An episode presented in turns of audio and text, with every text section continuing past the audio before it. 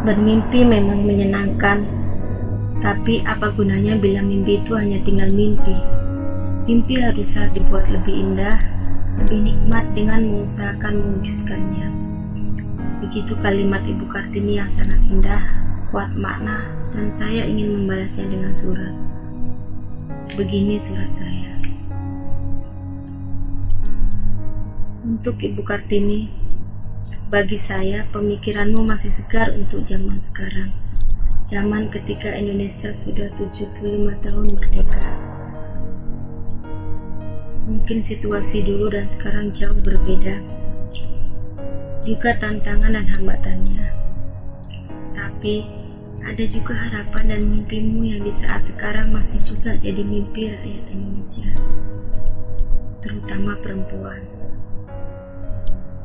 Dulu di zaman Ibu Kartini, membangun bangsa perlu dirintis.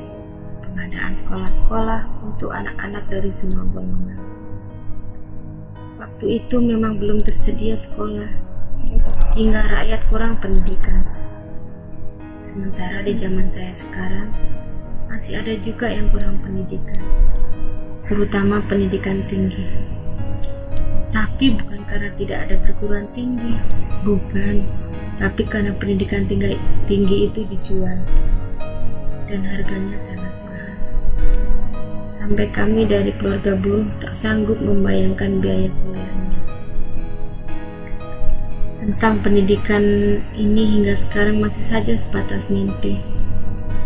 Kalau diri saya tidak bisa kuliah, saya masih bermimpi untuk ada perubahan negara agar anak saya dan anak-anak buruh lain nanti bisa kuliah.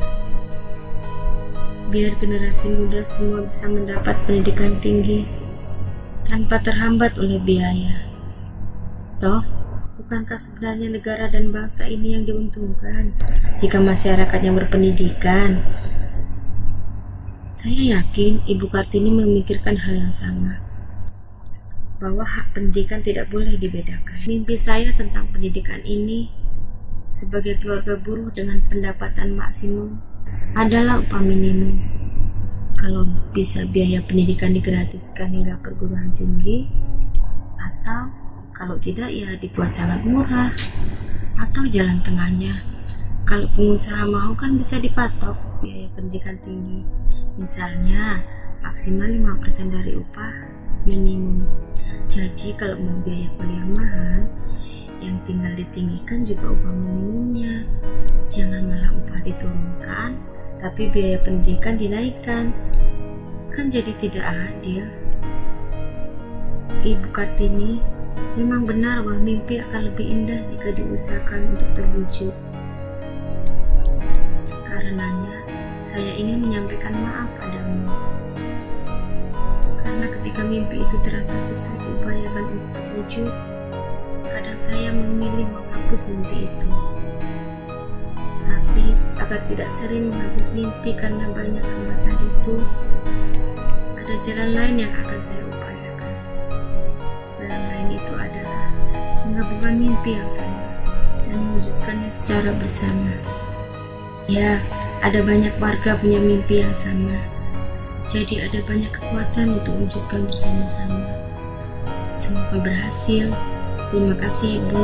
Demikian sore tentang mimpi pendidikan.